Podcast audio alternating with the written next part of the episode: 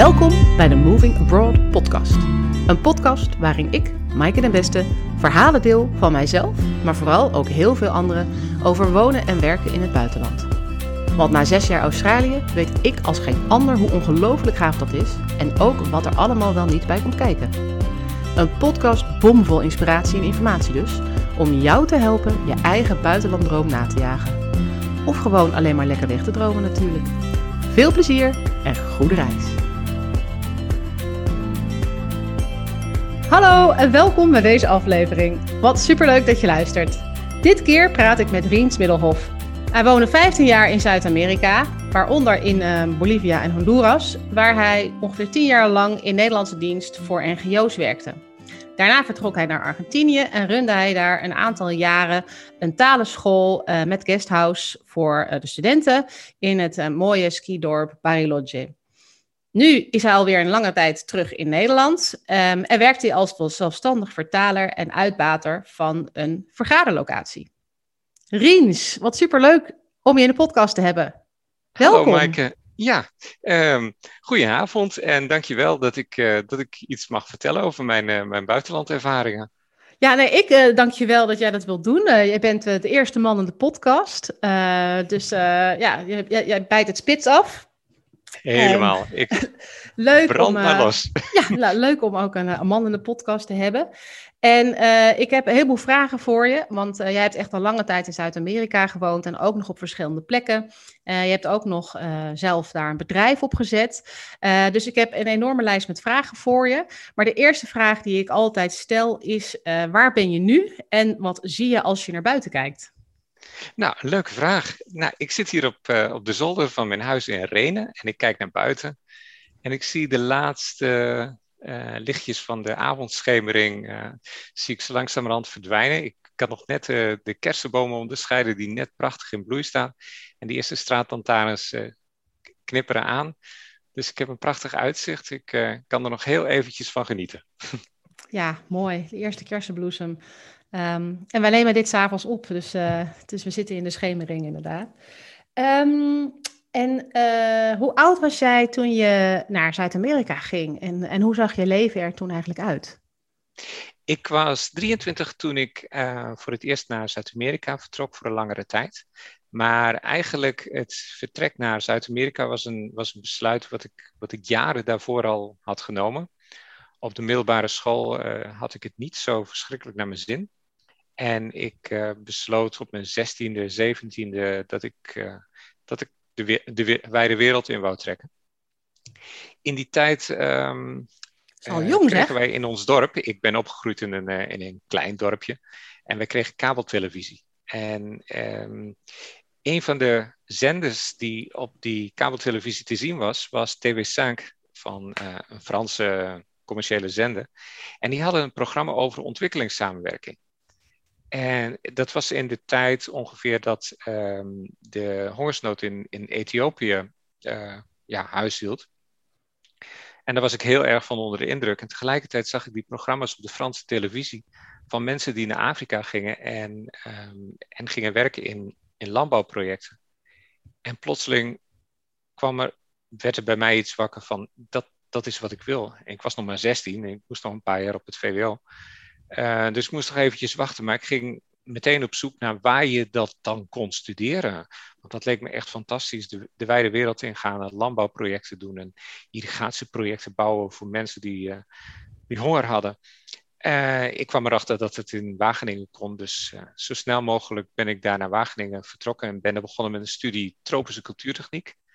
Dat hield in irrigatie en, en drainage en verbetering van land. Ja, toen moest ik natuurlijk nog eventjes heel snel afstuderen. Ik had verschrikkelijk veel haast, want ik was zo snel mogelijk weg. Die studie die zat me eigenlijk alleen maar in de weg. Um, en um, toen ik 23 was, uh, was ik afgestudeerd. Ik deed het ook wat sneller dan de, dan de meesten, want ik was zo snel mogelijk klaar zijn. Je mocht toen nog zes jaar studeren, maar ik was in vijf jaar vond ik het wel genoeg. Toen ben ik naar, uh, naar Bolivia gegaan en ben eigenlijk lange tijd niet meer teruggekomen. Dus gewoon uh, uh, op de Bonnefoy of had je daar uh, werk gevonden?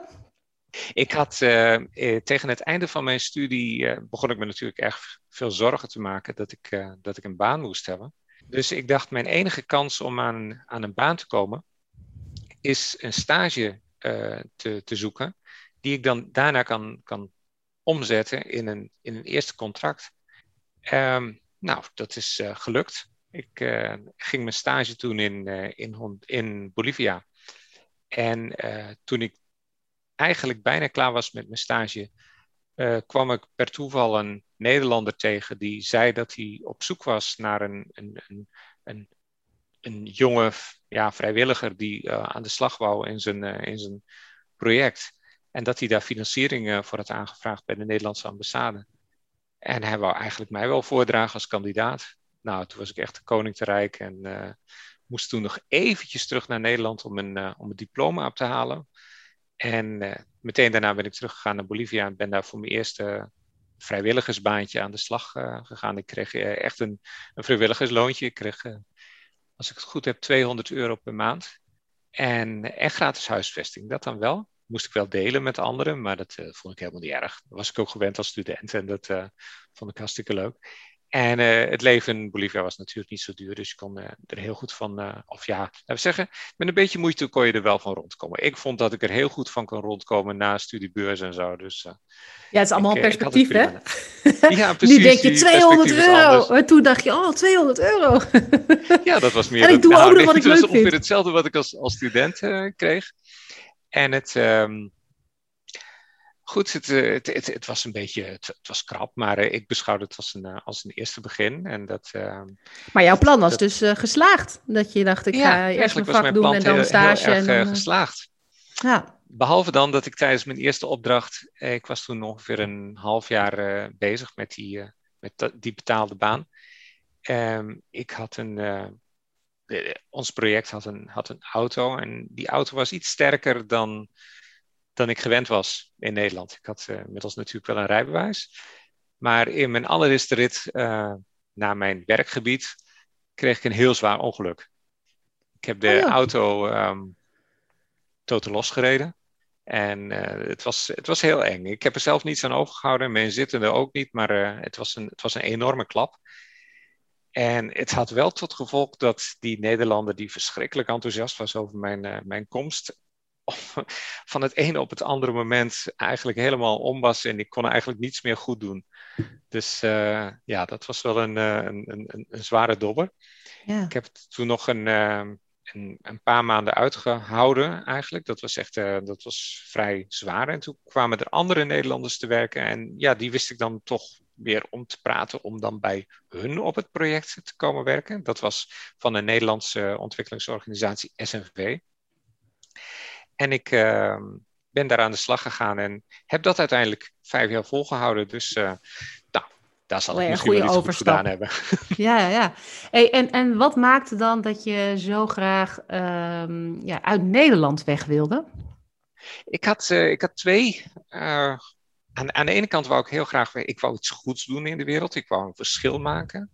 Um, ik, wou, ik had het gevoel dat ik in Nederland niks, kon bereiken, dat alles al gebeurd was. Dat, dat, dat Nederland was af, alleen een beetje, soort van. Ja, Nederland, ja. zo voelde ik dat helemaal. Nederland is helemaal af en uh, Nederland is helemaal, nou, ik zal niet zeggen perfect, maar ik kan er in elk geval niets aan veranderen.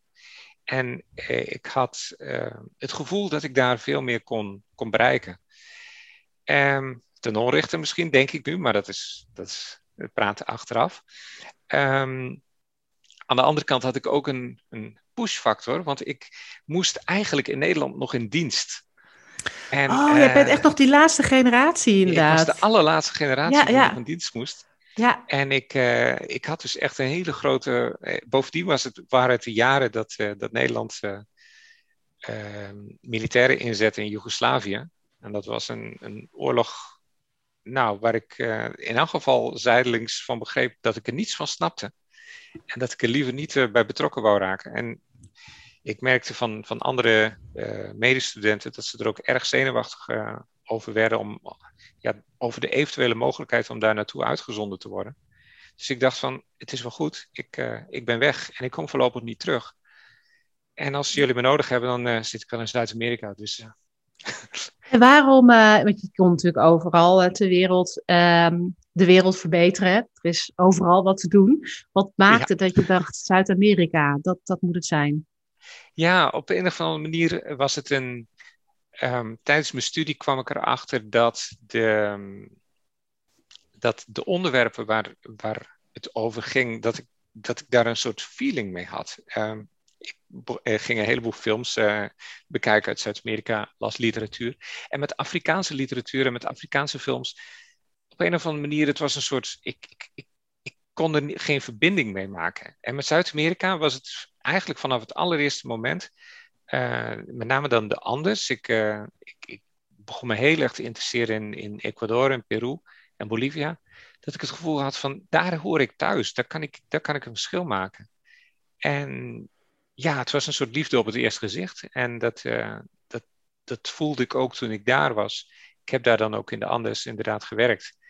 En het, ja, op een of andere manier voelde ik een soort band met de bevolking en met het land en met de dingen die er in, in het nieuws en, en door mensen besproken werden. Dat ik dacht van nou, ik, ik ben zelf erg nuchter en ik geloof niet zo in eerdere levens. Maar als ik een eerder leven heb gehad, dan zou ik hier besteloos vandaan hebben kunnen komen. Kwam je uit de anders? ja, misschien wel. Misschien, dat gevoel heb ik later ook nog wel eens gehad hoor, op andere plekken. Maar ik had echt daar het gevoel van, ik, ik, ik voel een band met, met deze regio. Bijzonder. En kan je vertellen, want je hebt dus echt best wel lang uh, daar voor verschillende NGO's gewerkt. Niet alleen in Bolivia, maar ook in Honduras. Uh, hoe zag je leven daar dan eruit? Hoe zag een dag eruit? Nou, wat, wat eigenlijk gebeurde is dat, dat mijn leven langzaam veranderde. Ik vertelde je dat ik, uh, dat ik begon als vrijwilliger en een huis deelde en 200 euro kreeg. Maar na verloop van tijd kreeg ik een echte baan en kreeg ik een echt loon. Uh, dat ook eigenlijk zelfs gewoon in Nederland geregistreerd stond. Dus als de overheid me alsnog nodig had gehad om naar Joegoslavië te sturen, dan hadden ze me wel weten te vinden. Hm. Um, maar mijn leven veranderde ook. En ik werd eigenlijk langzamerhand van, van vrijwilliger, werd ik een expat. Ik beschouwde dat op dat moment zelf als een, als een, als een promotie natuurlijk. Want ja, ik kreeg, uh, ik kreeg gewoon een loon. En ik kon zo nu dan, ik verdiende genoeg om eens in het jaar naar, uh, naar Nederland op vakantie te gaan, naar mijn ouders. En um, ik kreeg ook wat meer verantwoordelijkheid. Maar eigenlijk dat, dat vrijwilligerschap, waar ik eigenlijk me fantastisch bij voelde en, waar ik ook um, ja, eigenlijk het gevoel heb gehad dat ik misschien het grootste verschil heb gemaakt, dat, dat raakte wel een beetje op de achtergrond. Maar het probleem is dat ik dat misschien op het moment zelf niet zo merkte. Ik, ik begon dat te merken in Honduras. Uh, toen ik bij die uh, organisatie zat, uh, ben ik gevraagd om nog even naar uh, Honduras te gaan. Daar was toen de orkaan Mitch net geweest. Oh ja. Heeft een enorm huis gehouden. En ik mocht daar aan de slag.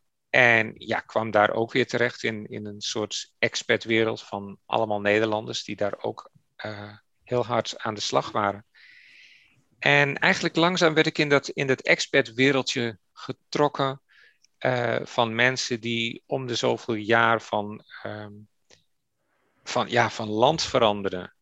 Uh, werd daar plotseling collega's met mensen die daarvoor drie jaar in, in, in Afrika hadden gewerkt, of in Afghanistan of in Indonesië. En ik beschouwde toen voor mezelf van ja, ik, dat wil ik niet. Ik wil niet uh, over drie jaar naar Kenia of over drie jaar naar Zimbabwe of, of naar Thailand. Laat mij nu maar gewoon hier lekker in Zuid-Amerika zitten. Ik, ik spreek de taal goed. Ik heb een beetje door, geloof ik, waar de mensen het over hebben. En ik, uh, ik, ik ik beperk me tot, uh, tot deze regio. Na 2,5 jaar in Honduras kreeg ik, uh, hoorde ik dat er in Bolivia weer een vergelijkbare uh, project aan de gang was. Dus nou, dat beschouwde ik echt als een, als een uitgelezen kans om nu weer eens opnieuw terug te gaan naar, naar Bolivia. En ook daar kwam ik weer in dat expertwereldje terecht. En dan kreeg ik weer collega's die daarvoor in, ook weer in andere landen hadden gewerkt. En na een jaar of twee besefte ik me echt van, dit is genoeg. Ik, uh, ik uh, ben een beetje de, de, de, essentie aan het verliezen. Ja. Ik, uh, ik blijf dan wel binnen Zuid-Amerika. Maar ik, ik loop ook gewoon achter de, achter de baantjes aan En ik loop ook gewoon achter de, achter de contracten aan. Ja, het is grappig, want ik denk dat, uh, dat veel mensen in Nederland ook wel eens op zo'n punt komen in hun carrière waarop ze denken, hey, zit ik nog wel op het goede spoor? Uh, ik doe dit nou al wel lang, maar eigenlijk uh, ja, weet ik niet zeker of dit het nog wel is. en jij hebt eigenlijk dat ook gewoon in, hè, ook al zit je dan in een hele mooie andere exotische cultuur, cultuur en omgeving, krijg je ook op een gegeven moment zo'n, waar doe ik het, wie ben ik, waar, waar ben ik van, waar doe ik het voor moment? Ja, en bij mij speelde dan toch ook het gevoel van het, ja, het oorspronkelijke idealisme eh, raakte ik eigenlijk ook wel een beetje kwijt. Ik, ik zag dat, uh, ja, dat ik zelf uh, ja, eigenlijk onverschilliger werd over, over, over dingen als armoede. Um, dat ik zelf, als ik mocht kiezen waar ik mocht wonen, eigenlijk ook gewoon een veilige wijk uitkoos. En daar betaalde ik eigenlijk meer aan huur dan ik uh, in die eerste jaren per maand in totaal uitgaf aan huur en, en levensonderhoud en alles. En dat betaalde ik nu alleen als huur. En, en zo, zo deed ik eigenlijk steeds meer concessies aan mezelf. Dat ik dacht van, ja, maar dit is niet meer waar ik voor gekomen ben. Ja. Goed, ik kon wel wat vaker naar Nederland. Goed, ik kon ook wel eens op vakantie. Uh, goh, ik had allemaal prima voor elkaar. Maar ik, ik, ik miste de essentie. En toen kreeg ik op een dag een brief dat ik uh, een vaste aanstelling had gekregen. En de dag daarna heb ik een gesprek aangevraagd en heb ik ontslag genomen. Soms heb je dat soort tekens nodig om zeker te weten. Nee, dit, uh, nee. Dit, dit is echt niet. Dit hier, hier moet ik niet mee doorgaan. Dit, is, ja, uh, dit gaat de verkeerde kant op. Ik was in de tussentijd was ik uh, wel. Ik, ik, kwam steeds meer ondernemers tegen, buitenlanders over het algemeen, vanuit allerlei landen die met fantastisch leuke projecten bezig waren. En soms ook niet, soms waren ze ook gewoon bezig om zelf lekker hun, hun bedrijf op te zetten. En dat begon steeds aanlokkelijker te klinken. Ik dacht, weet je, als ik, um, als ik, als ik dan dat idealisme uh, vorm wil geven, dan moet ik misschien het ook eens gewoon proberen met mijn eigen geld, in plaats van de hele tijd te, te, vertrouwen op mijn, op mijn maandelijkse loon, wat maar uh, overgemaakt wordt. Ja. Maar als ik denk werkelijk zo goed te zijn, misschien moet ik dan proberen om een eigen bedrijf op te zetten. Um, met mijn toenmalige vriendin hebben we toen een, een talenschool opgezet in Bolivia. En um, ja, dat draaide eigenlijk vanaf het allereerste begin wel heel erg goed. Um, ik kwam alleen op dat moment kwam er een verschrikkelijk hete zomer aan. En ik, ik merkte dat ik, dat ik eigenlijk steeds minder tegen de ja, enorm hete temperaturen kon. Het, uh, het werd overdag werd het 40, 45 graden. En mijn vriendin kwam uit Argentinië. Uh, en die had eigenlijk wel interesse in om, om terug te gaan naar Argentinië. Um, in Bolivia was, de politieke situatie in die tijd bovendien nogal onrustig. Het was in de tijd uh, voordat Evo Morales gekozen werd, er waren best wel veel rellen en, en, en onrust. Dus we besloten beide naar, naar Argentinië te gaan. En uh, zo zijn we naar het uh, zuiden van Argentinië vertrokken. Was het klimaat in elk geval voor mij net iets aangenamer. En uh, het was een fantastisch mooi gebied met, met, met, bergen en meren en, en ski-mogelijkheden in de winter. Hey, maar hoe, hoe, was het, hoe was jullie, uh, want ik wil straks nog wel wat meer vragen over hoe je nou precies echt uh, ja, voor jezelf bent gestart en hoe je dat hebt opgebouwd. Um, maar hoe, hoe zag je je leven er, uh, eruit? Had je, was je vooral heel veel aan het werk? had je veel lokale vrienden? Of was het je dan toch in die expat-omgeving? Um, ja, wat deed je zo al in je vrije tijd? Hoe, hoe ja, kun je omschrijven hoe je, ja, hoe je leven er daaruit zag? En daar is natuurlijk heel breed. Hè? Je hebt op verschillende plekken gewoond. Maar... Ja, ja, precies. Nou, in, in mijn vrije tijd had ik toch met name had ik veel lokale vrienden, omdat ik op een gegeven moment echt het gevoel had van ja, ik, ik, ik, ik voel me niet zo thuis bij, bij, bij die expats. Die, die dit als een soort um, ja, tussenstop beschouwen tot, tot de volgende, de volgende post. Uh, ja. Tot de volgende post. Dus uh, ja, mijn, mijn vriendenkring was met name meer lokaal. Maar ik, ik besefte wel op een gegeven moment van ja, uh, zij weten ook dat ik hier ook waarschijnlijk maar tijdelijk zal zijn. En, en ik ga er misschien stiekem ook wel vanuit dat, dat ik hier maar tijdelijk ben. Dus ehm, ja, ik, ik, ik, voelde me inderdaad op dat moment niet zo, zo lekker met de situatie. En ik dacht van, ik, het, het, wordt misschien gewoon tijd om, om me ergens te gaan vestigen. En, en met die intentie ben ik dus inderdaad ook echt naar, uh, naar Bariloche gegaan. Ja. En, en eigenlijk was dat een soort, ja, een soort ik vertrek idee, maar dan in de zin van, ja, ik zat al in Zuid-Amerika. Ehm, maar van daaruit zijn we begonnen met een, een nieuw avontuur. Ja. En uh, ja, dat was in zekere zin was dat ook vanuit die organisatie waar ik toen werkte, was het heel vreemd. Niemand deed dat. Mensen gingen dan uh, of bleven in het land zelf wonen, of gingen terug naar Nederland, of gingen naar een nieuw contract. Maar niemand ging dan naar het buurland om daar een eigen bedrijf op te gaan zetten. Nou, dat vond ik alleen al hartstikke spannend natuurlijk, dat ik dat dan dus wel deed. soms, soms is je ego ook gewoon echt je beste vriend. Ja, ik vond het, ik vond, ik vond het inderdaad een, een, een, een prachtig plan. En het was een, een, ik heb er toen een, uh, een proefreis naar gemaakt naar die regio. Het was een fantastisch mooie regio met heel veel toeristische mogelijkheden.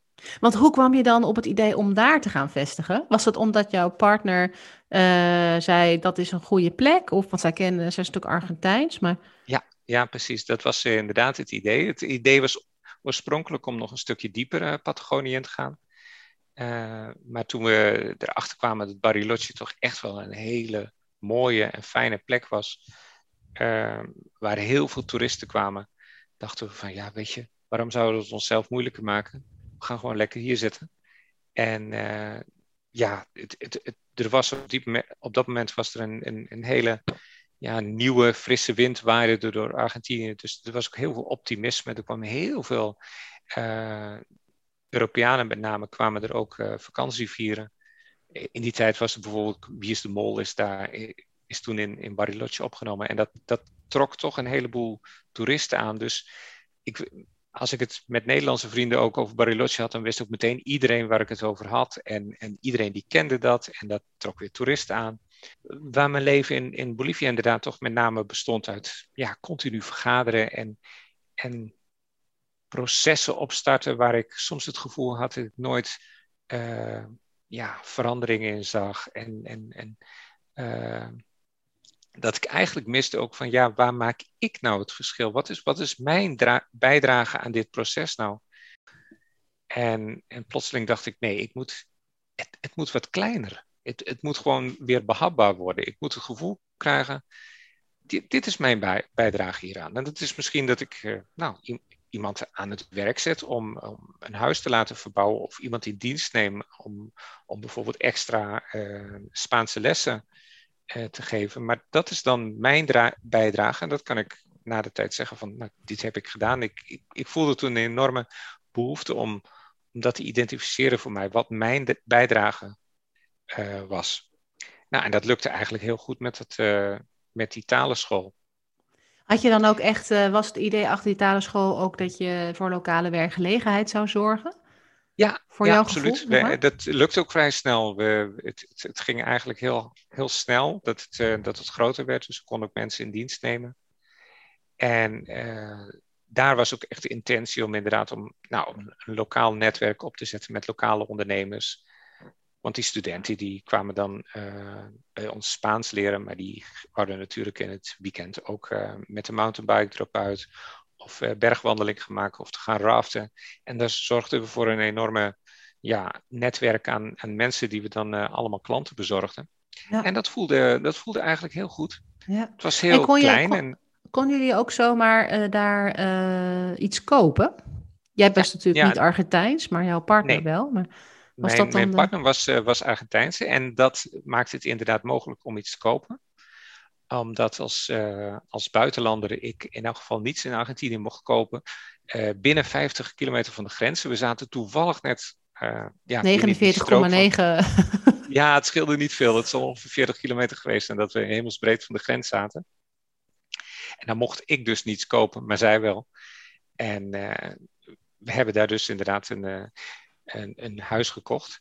In, verder in Argentinië was het eigenlijk gewoon super simpel als buitenlander mag je wel uh, uh, onroerend goed kopen en mag je een bedrijf opzetten. En dat was eigenlijk verbazingwekkend makkelijk en ook heerlijk goed geregeld.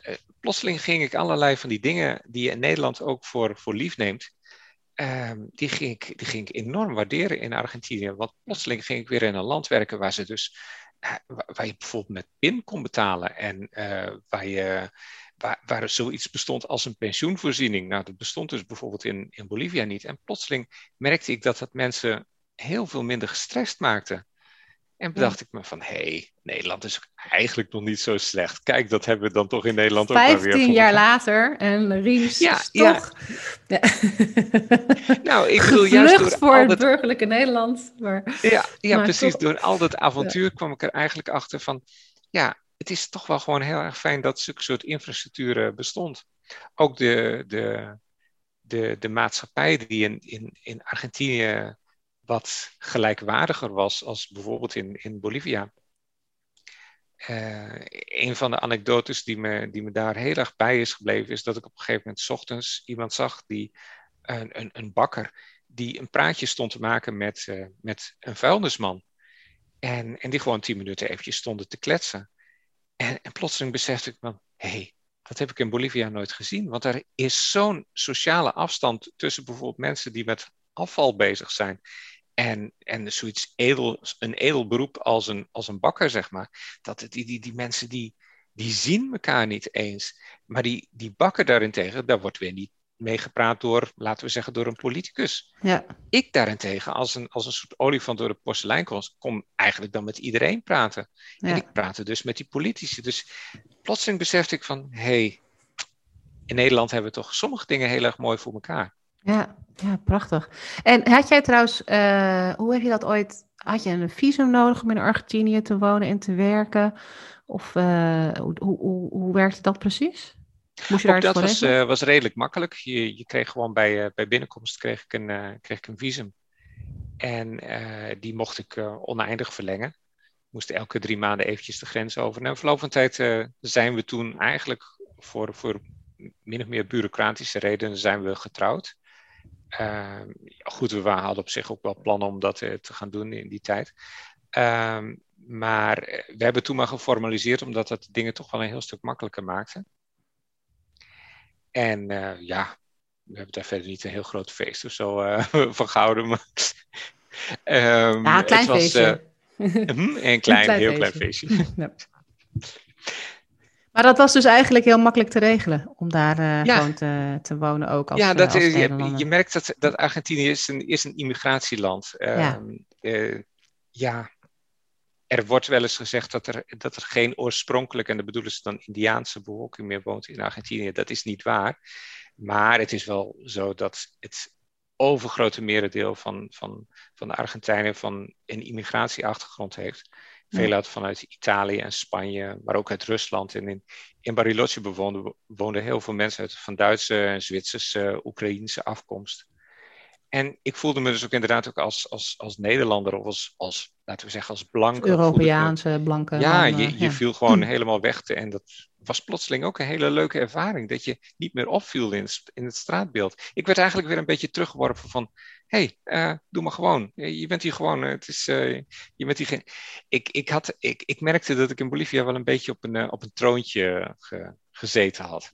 Ja, ja, dat je toch al, omdat je natuurlijk ook misschien wel door de mensen met wie je werkte, uh, een beetje op een apenrots of zo. Uh, nou, niet apenrots, niet het goede woord, maar op je, ja, ja. wat je bedoelt. Ja, ja, Ik, ik zag dat heel goed bij mijn collega's, maar ik, ik moest eigenlijk tot mijn spijt uh, beseffen dat ik zelf ook wel op die apenrots zat. En dat ik, ja, of ik dat nou wou of niet, maar ik, ik ging er ook niet vanzelf van afklimmen. Nee. En jullie hebben dus gewoon voor gekozen, nou, je, je dacht, ik moet het roer omgooien. Hè, ik wil eigenlijk wel als uh, een ondernemersavontuur of iets, eigenlijk iets heel anders doen. We doen, uh, ik, vertrek, ehm, maar wel vertrekken binnen Zuid-Amerika. nooit overwogen om bijvoorbeeld in Europa, terug naar Europa te komen op dat moment? Nee, eigenlijk niet. Nee. Um, ik voelde me op dat moment ook absoluut nog nog niet verbonden met, met Europa. Ik, ik, ik besefte wel van, goh, wat prachtig dat deze, dat deze sociale infrastructuur hier in, in Argentinië bestaat. Maar ik voelde absoluut niet uh, ja, een behoefte om, om, om terug te gaan naar Europa. Ik, ik voelde me echt nog steeds verbonden met Zuid-Amerika. Ja. Um, maar toch zit je nu in Renen op je zolderkamer over, uit te kijken over de kerstbloesem. Ja. Ja. Ergens is er dan toch een punt gekomen waarop uh, Europa, of in ieder geval Nederland, weer is gaan lonken. Ja, ja, nou dat kwam eigenlijk heel simpel door een scheiding. Ah, oké. Ehm, en, en, ja, had je toch die bruiloft groter moeten vieren? Had ik misschien hem toch groter moeten vieren. um, nee, het, uh, de, de, relatie liep op een gegeven moment toch stuk. We, het, het, we hadden absoluut uh, elkaar niet veel meer te zeggen. En um, ja, het is na, na een paar jaar is het, uh, is het stuk gelopen. En plotseling viel de motivatie om daar te blijven, om in Zuid-Amerika te, te blijven, op dat moment ook weg. Ik, uh, ik begon plotseling verschrikkelijk mijn ouders te missen. Ja. Ik begon uh, vrienden hier in Nederland te missen. Ik begon zelfs Nederland te missen. Nou, dat had ik nog niet zo vaak gehad. Dus dan had je geen huis meer, geen uh, vrouw meer, geen uh, bedrijf meer. Nee. En een, een, enorm leeg canvas voor je neus. Van Inderdaad. wat wordt de volgende stap? En ben je, ben je toen dat je dacht, nou, dan ga ik naar Nederland en dan ga ik daar even nadenken of zo? Wat heb je toen, hoe ben je, heb je toen verder aangepakt? Hoe heb je toen aangepakt, zeg maar, om te kiezen wat dan die volgende stap zou worden? Want dat lijkt altijd achteraf zo makkelijk, hè? Oh, toen besloot ik dit, maar ik weet uit eigen ervaring dat dat altijd wat meer voeten in de aarde heeft. Precies. Ja, nee, toen ik, toen ik terugkwam naar Nederland had ik, had ik nog niet meteen het idee van, nou, hier ga ik nu blijven. Uh, maar ik had wel het onrustige gevoel inderdaad van, ja, mijn ouders worden toch ouder. En als ik nog een paar jaar in gezondheid uh, met ze wil doorbrengen, dan moet ik er niet te lang mee wachten. Uh, mijn broer die kreeg ook een, uh, die kreeg kinderen en die had ik ook eigenlijk alleen maar zo nu dan een keer in een vakantie gezien. Um, ja, en ik dacht het is toch in elk geval wat tijd om eens eventjes naar Nederland te gaan. En ik ben dus teruggegaan naar Nederland. En een van de eerste dingen die ik gedaan heb is het ministerie van Defensie gebeld. Om te vragen of ik nog steeds gezocht werd voor, uh, voor militaire dienst. Als, of ze nog steeds je op zoek waren in Joegoslavië. ja, precies. Nou, ik kreeg te horen dat dat sinds twee jaar niet meer het geval was. Dat, uh, Ik schrok toch wel eventjes van, goh, als ik dus eerder besloten zou hebben echt meer in te schrijven in Nederland, dan had ik potentieel nog risico gelopen. Uh, maar ik weet niet of dat echt het geval is. Maar ik, ik werd zelf eh, gerustgesteld van nee, uh, je bent nu je te oud. Je was vrij, je was vrij man. Ja, je hoefde geen zorgen te maken over. Ja. Dus ik had ook inderdaad echt geen, geen, geen uh, beperking meer om inderdaad in Nederland te blijven. Dus ik dacht van ik, uh, het is misschien wel eens een keer tijd om een avontuur hier te starten. En nou, dat is dus inmiddels, uh, even denken, dat is 13 jaar geleden nu, ongeveer, geloof ik. Even heel snel rekenen. Ja, ongeveer een 12,5 jaar geleden dat ik naar, uh, naar Nederland kwam. Uh, nou, daar kwam ik mijn, uh, mijn lieve Nelen tegen. En wij, wij kregen een, een heel leuk zoontje. En inmiddels is er eigenlijk niet zo heel veel noodzaak meer om de beide wereld in te trekken. En, en eigenlijk het laatste avontuur. Ik zal niet zeggen dat het laatste avontuur is. Nee, dat, is, dat klinkt weer heel erg. Heel doemdenken. Ja, precies. Maar dit, is, dit, dit voelt net zo als ehm, ja, als toen Argentinië in zekere zin nog altijd als een soort ik vertrek. Alleen is het nu weer terug in Nederland. Ja. En, uh... Dus eigenlijk een beetje, ik, ik weet dat ik uh, toen ik in Australië zat, dat heel vaak mensen aan mij vroegen: Oh, ben je hier gekomen voor de liefde? Want het idee dat je als vrouw alleen lange tijd in je eentje in het buitenland dat kan, dat kan nooit, zeg maar, zelfstandig. Dus het is vast, daar moet een liefdesverhaal ja, daar moet wel iets bij zijn. Maar dan moest ik mensen altijd helemaal teleurstellen. Dat ik zei, ja, het is een, liefde voor een land, niet voor een persoon. Um, voor een levensstijl of zo. Uh, maar ja, het is eigenlijk de omgekeerde, uh, de omgekeerde situatie dat je niet zozeer naar het buitenland bent vertrokken voor een vrouw, maar dat je toen je de, eigenlijk niet, je bent niet teruggekomen voor een vrouw, maar je bent hier gebleven voor een vrouw uiteindelijk. Precies. Die, weet ik ook heel reislustig uh, is. Dus dat jullie met z'n tweeën in Nederland zijn gebleven, is ook, uh, ja, zegt ook wel weer wat, denk ik dan. Ja, Ja, en we hebben natuurlijk, we hebben samen hebben we ook uh, verschillende reizen alsnog gemaakt. We zijn met z'n tweeën ook weer teruggegaan tot naar Zuid-Amerika, waar onze gezamenlijke passie in elk geval toen lag. En Nele is haar, haar promotieonderzoek begonnen in, in Brazilië. Um, maar ik kan in elk geval voor, voor mezelf spreken dat ik de laatste keren echt het gevoel had van dit is misschien nu toch echt ook wel een hoofdstuk wat ik een beetje afgesloten uh, beschouw. Ja, mooi. Waren er nog dingen waar je weer heel erg aan moest wennen toen je terugkwam? Eigenlijk een heleboel. Een heleboel dingen. Ze hebben, een heleboel mensen die, die in het buitenland hebben gewerkt uh, of gewoond, die, die zeggen dat de cultuurschok als je terugkomt veel groter is. Dat, dat kan ik absoluut beamen. De cultuurschok is veel groter als je terugkomt. Tenminste, zo voel ik het. Ja, ik ook. Uh, maar, maar dat is niet noodzakelijkwijze erg. Ik heb nogal wat cultuurschokken meegemaakt in mijn leven. Die zijn juist leuk.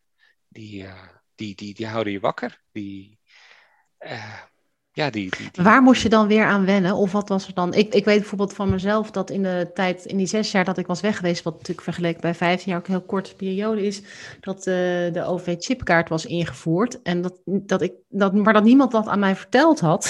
Dus dat ik voor het eerst met de trein ging reizen en dat ik gewoon gereed van snapte waar, hoe iedereen dat toch deed omdat je, en als je dan ging vragen in het Nederlands, dat iedereen zei, ja, moet je een kaart hebben. En ik, ja, maar, ja, maar er is nergens, maar hoe dan?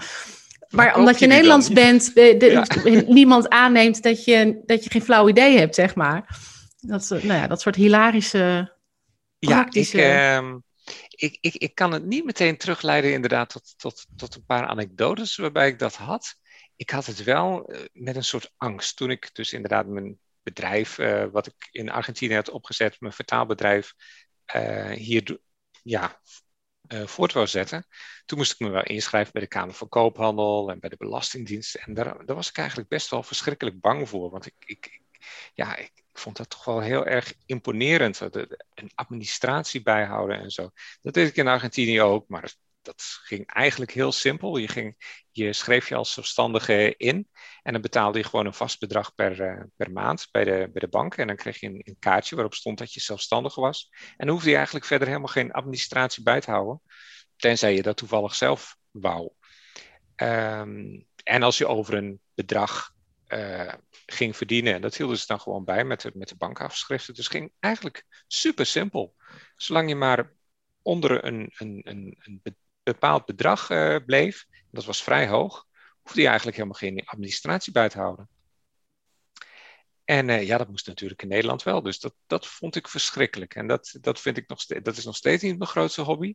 Mm-hmm. Uh, maar ja, dat, dat, daar heb ik echt een tijdje aan moeten wennen. Andere dingen zoals, ja, bijvoorbeeld uh, het verkeer. Ehm, een van de eerste dingen die ik, die ik toch die me opviel toen ik hier terugkwam in Nederland, waren de auto's, gek genoeg. Ik, ik zag plotseling, wat rijdt iedereen hier toch in verschrikkelijk nieuwe auto's? Die, die zien er allemaal uit of ze niet ouder zijn dan, dan, dan twee jaar. Uh, en dat vind ik eigenlijk nog steeds iets wat, ja, dat, dat, daar heb ik echt, denk ik, met open mond naar staan te kijken van, wat, wat zijn de auto's hier toch onder andere nieuw? Dat, dat viel me veel meer op dan bijvoorbeeld huizen of andere dingen. Ja. Uh, ja, die huizen herken je misschien nog wel van vroeger, maar die auto's zijn dan weer een heel nieuw ja, precies. En zo. Ja. Wat grappig. En um, als je nou terugkijkt op die 15 jaar in, uh, in Zuid-Amerika, wat, e-, wat is je toen het meest tegengevallen? Want je ging natuurlijk met een enorme verlangen weg. Hè? Eindelijk uh, was je daar. Viel er überhaupt iets tegen? Of uh, was het alleen maar um, prachtig? Ja, dat vind ik heel moeilijk om aan te geven. Ik, uh, ik, ik, ik kwam zelf in mijn eigen leven er wel na verloop van tijd achter van ja, dit is toch niet wat ik zoek. Maar of dat nou tegenvallen was van, van, van het land of van, van Zuid-Amerika, nee, dat denk ik niet. Het was meer dat ik mijn eigen verwachtingen, uh, dat mijn eigen verwachtingsmanagement, zeg maar, dat het ja. misschien niet helemaal in orde was. Ik kan me ook dat voorstellen, als je echt 15 jaar ergens zit, ga je natuurlijk zelf ook door verschillende fases in je leven. Precies. Uh, die, die ook in Nederland misschien gewoon waren gebeurd, hè? Ja, ik, ik, volgens mij begon ik het verhaal met, ik, ik wou een verschil maken. Op een gegeven moment merkte ik, ik maak een verschil. Maar kreeg ik een soort imposter syndroom. omdat ik voelde van wie ben ik als, als nauwelijks 30-jarige om met ministers rond de tafel te zitten en, en te spreken over, over dingen die deze mensen eh, aangaan, terwijl ik hier eigenlijk nog maar een paar jaar ben. En eigenlijk nog niet helemaal weet hoe de mores in dit land loopt. Ja. En toen ik uh, daar op een gegeven moment ja, niet zozeer vrede mee kreeg, maar toen ik op een gegeven moment weerstand voelde tegen de, de, de, de lange processen, uh, begon ik met een, met een, een, tastbaarder project. Iets met, met onmiddellijke doelen, zoals bijvoorbeeld het vinden van, van toeristen en, en klanten die bij ons uh, Spaans zouden willen leren. Um, dus het is meer, het, het, op een gegeven moment kom je erachter, ja, ik heb die droom eigenlijk gewoon, het, die droom heb ik nu waargemaakt. Ja. En het is toch misschien niet helemaal wat ik ervan verwacht had. En nu? En dat is niet erg, maar ja. nu moet ik, heb ik wel weer even een nieuwe droom nodig. Ja. Toen dacht jij, ik ga naar Argentinië. Ja, nou, toen dacht, ik, toen dacht ik eerst, ik ga naar, uh, naar Honduras, toen ga ik weer terug naar Bolivia, toen ga ik weer naar Argentinië. En uiteindelijk heb ik besloten, ik Nederland. ga weer terug naar Nederland. Ja. Want ook dat was op een gegeven moment weer van, Nieuwe. Ik, ik wil dat weer. Ik wil weer eens ja. weten hoe het is om in Nederland te wonen. Ja. En wat heeft het je uiteindelijk gebracht? Wat heeft het me gebracht? Um, heel veel mooie dingen. En, en, en, ja, toch nog altijd onuitputtelijke nieuwsgierigheid in wat er aan de andere kant van de wereld, en met name Zuid-Amerika, gebeurt. Ik hou nog steeds alle kranten daarbij. uh, um, het heeft me talenkennis opgeleverd. Het heeft me ondernemingszin opgeleverd. Het heeft me mijn angst, mijn angsten uh, doen verdwijnen. Het angsten, heeft voor, ook, angsten voor wat? Angsten bijvoorbeeld voor het. Uh, angsten voor het bekende. Klinkt misschien uh, vreemd. Ik ben niet meer zo bang voor een dag die het. Ik was heel erg bang voor dagen die hetzelfde waren. Mm -hmm. En dat, daar ben ik niet meer zo bang voor. Ja, bijzonder. Door, door, juist, door juist al die afwisseling merk ik ja. van dat ook de, de, de, de routine en de, ja, soms de voorspelbaarheid heel fijn kan zijn. Ja. Moest je dan helemaal voor uh, naar Zuid-Amerika, Ries? Nee hoor, dat had helemaal niet gehoeven. Maar ja, het was wel een nou, hele dat, mooie bijkomstigheid. Misschien wel, misschien juist wel. Ja, ja wie weet wel. En ja. nou, ik heb verder de kans gehad om op prachtige plekken te wonen. Ik heb uh, uh, hele mooie landen gezien, hele mooie steden gezien. Hele leuke mensen leren kennen. Al die, al die kleine dingen, uiteraard heeft het me ook gebracht. Ja. Maar als ik kijk naar mijn, naar mijn binnenste, wat me. Het, het, het heeft mijn. Uh, ja. Ik, ik heb mijn dromen ermee waar kunnen maken. Wat een prachtige slotzin is dat. het is bijna jammer dat ik nog één vraag voor je heb. oh jee. en, um, en dat is, uh, ik doe dat eigenlijk altijd aan het einde van de podcast. Dan krijg, leg ik je drie uh, opties, drie stellingen voor. Dan krijg je twee opties. Dan moet jij er eentje, eentje uitkiezen. Amsterdam of Maastricht? Maastricht. Ja? Ja. Ja, nee, ik vind het prima hoor, maar... Uh, je zegt ja, het zo vol altijd, overtuiging is het eigenlijk. Mag ik, mag ik mijn antwoord uh, toelichten? Ja, heel graag, ja. Ja, ja ik heb altijd een, een, een fascinatie gehad voor Limburg. Um, niet helemaal, misschien is het toevallig, dat weet ik niet, dat uh, Nelen natuurlijk zelf uit Limburg komt. Maar ik heb, Jouw vriendin mijn... komt uit, uit, Lim uit Belgisch Limburg, toch? Niet? Ze ja. komt uit Belgisch Limburg en dat is eigenlijk gewoon Limburg. En zij... Um, maar ik heb altijd een fascinatie gehad voor, uh, voor, voor Zuid-Limburg en voor het Heuvelland en voor, voor Maastricht. En, uh, en juist helemaal niet voor Amsterdam. Dus dat is eigenlijk een verschrikkelijk makkelijke vraag.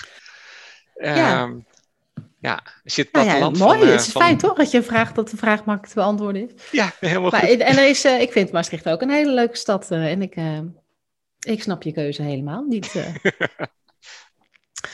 um, Zuurkool of kroketten? Oh, dat is een moeilijke. Uh, uh, ik denk dat ik dan stiekem toch voor kroketten kies. Ja? Die heb ik natuurlijk, ja, nu, nu ga ik, dan ga ik zeggen, die heb ik langer moeten missen in Zuid-Amerika. Maar dat is helemaal niet waar, dat lieg ik gewoon. heb je meer die heb ik helemaal niet hoeven missen, maar... maar ik vind ze wel gewoon heel erg heerlijk. Ja, dat is echt een Hollandse uh, Ja, en het is echt een guilty pleasure. Maar ja, dat is zuurkool natuurlijk ook, hè? Ja. Ja, en dat vooral dat dan door elkaar... Kijk, zuurkool krijg je in het buitenland nog wel... maar dat het dan ook lekker door elkaar geprakt wordt en zo.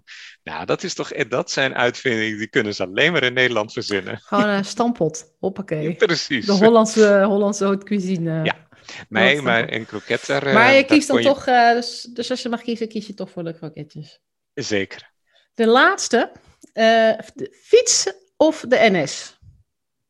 Fietsen. Ja?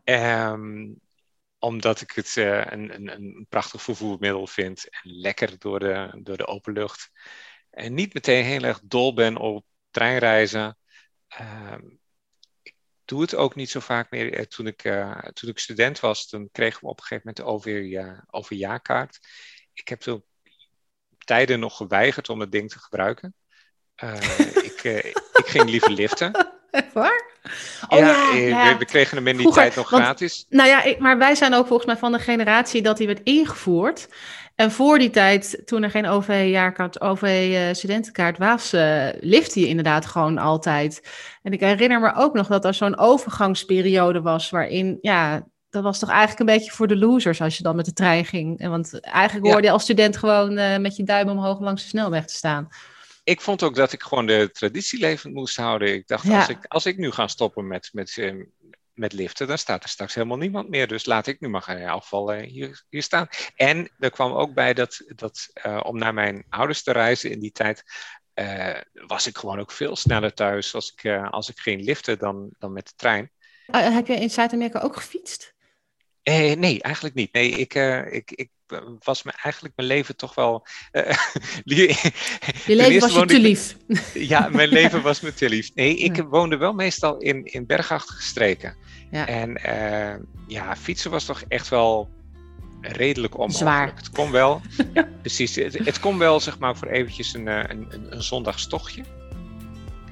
Um, in Bariloche heb ik wel inderdaad heel veel uh, gemountainbiked en en alles. Maar het dagelijkse vervoer, ja, dat is toch over het algemeen in Zuid-Amerika een beetje uh, zeer gevaarlijk als je dat uh, met de fiets doet. Hm. En ik ben dus inderdaad ook vrienden verloren in, in Bariloche bijvoorbeeld, die, uh, ja, die daar doodgereden zijn. Ach, dus het is, ja, dan merk je plotseling dat, dat het ook niet alleen maar. het, het, het kan ook gewoon heel makkelijk heel dichtbij komen. Dus ja, ja daar, daar raakte ik toch over het algemeen de fiets op de, op de doorgaande weg niet aan. Dus dat is iets wat je in Nederland weer vol enthousiasme. Zeker. Gewoon weer lekker. S ochtends je zoontje op de achter op de fiets naar school, hoppakee.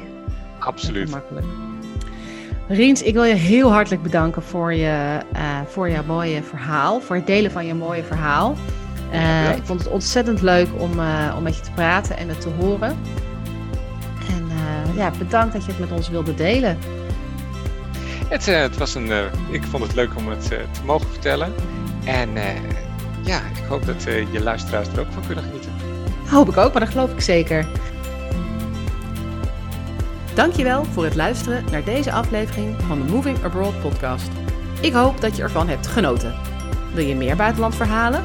Abonneer je dan op deze podcast in Spotify, Apple Podcasts of waar je dan ook naar podcast luistert. En vergeet ook niet om even een like te geven.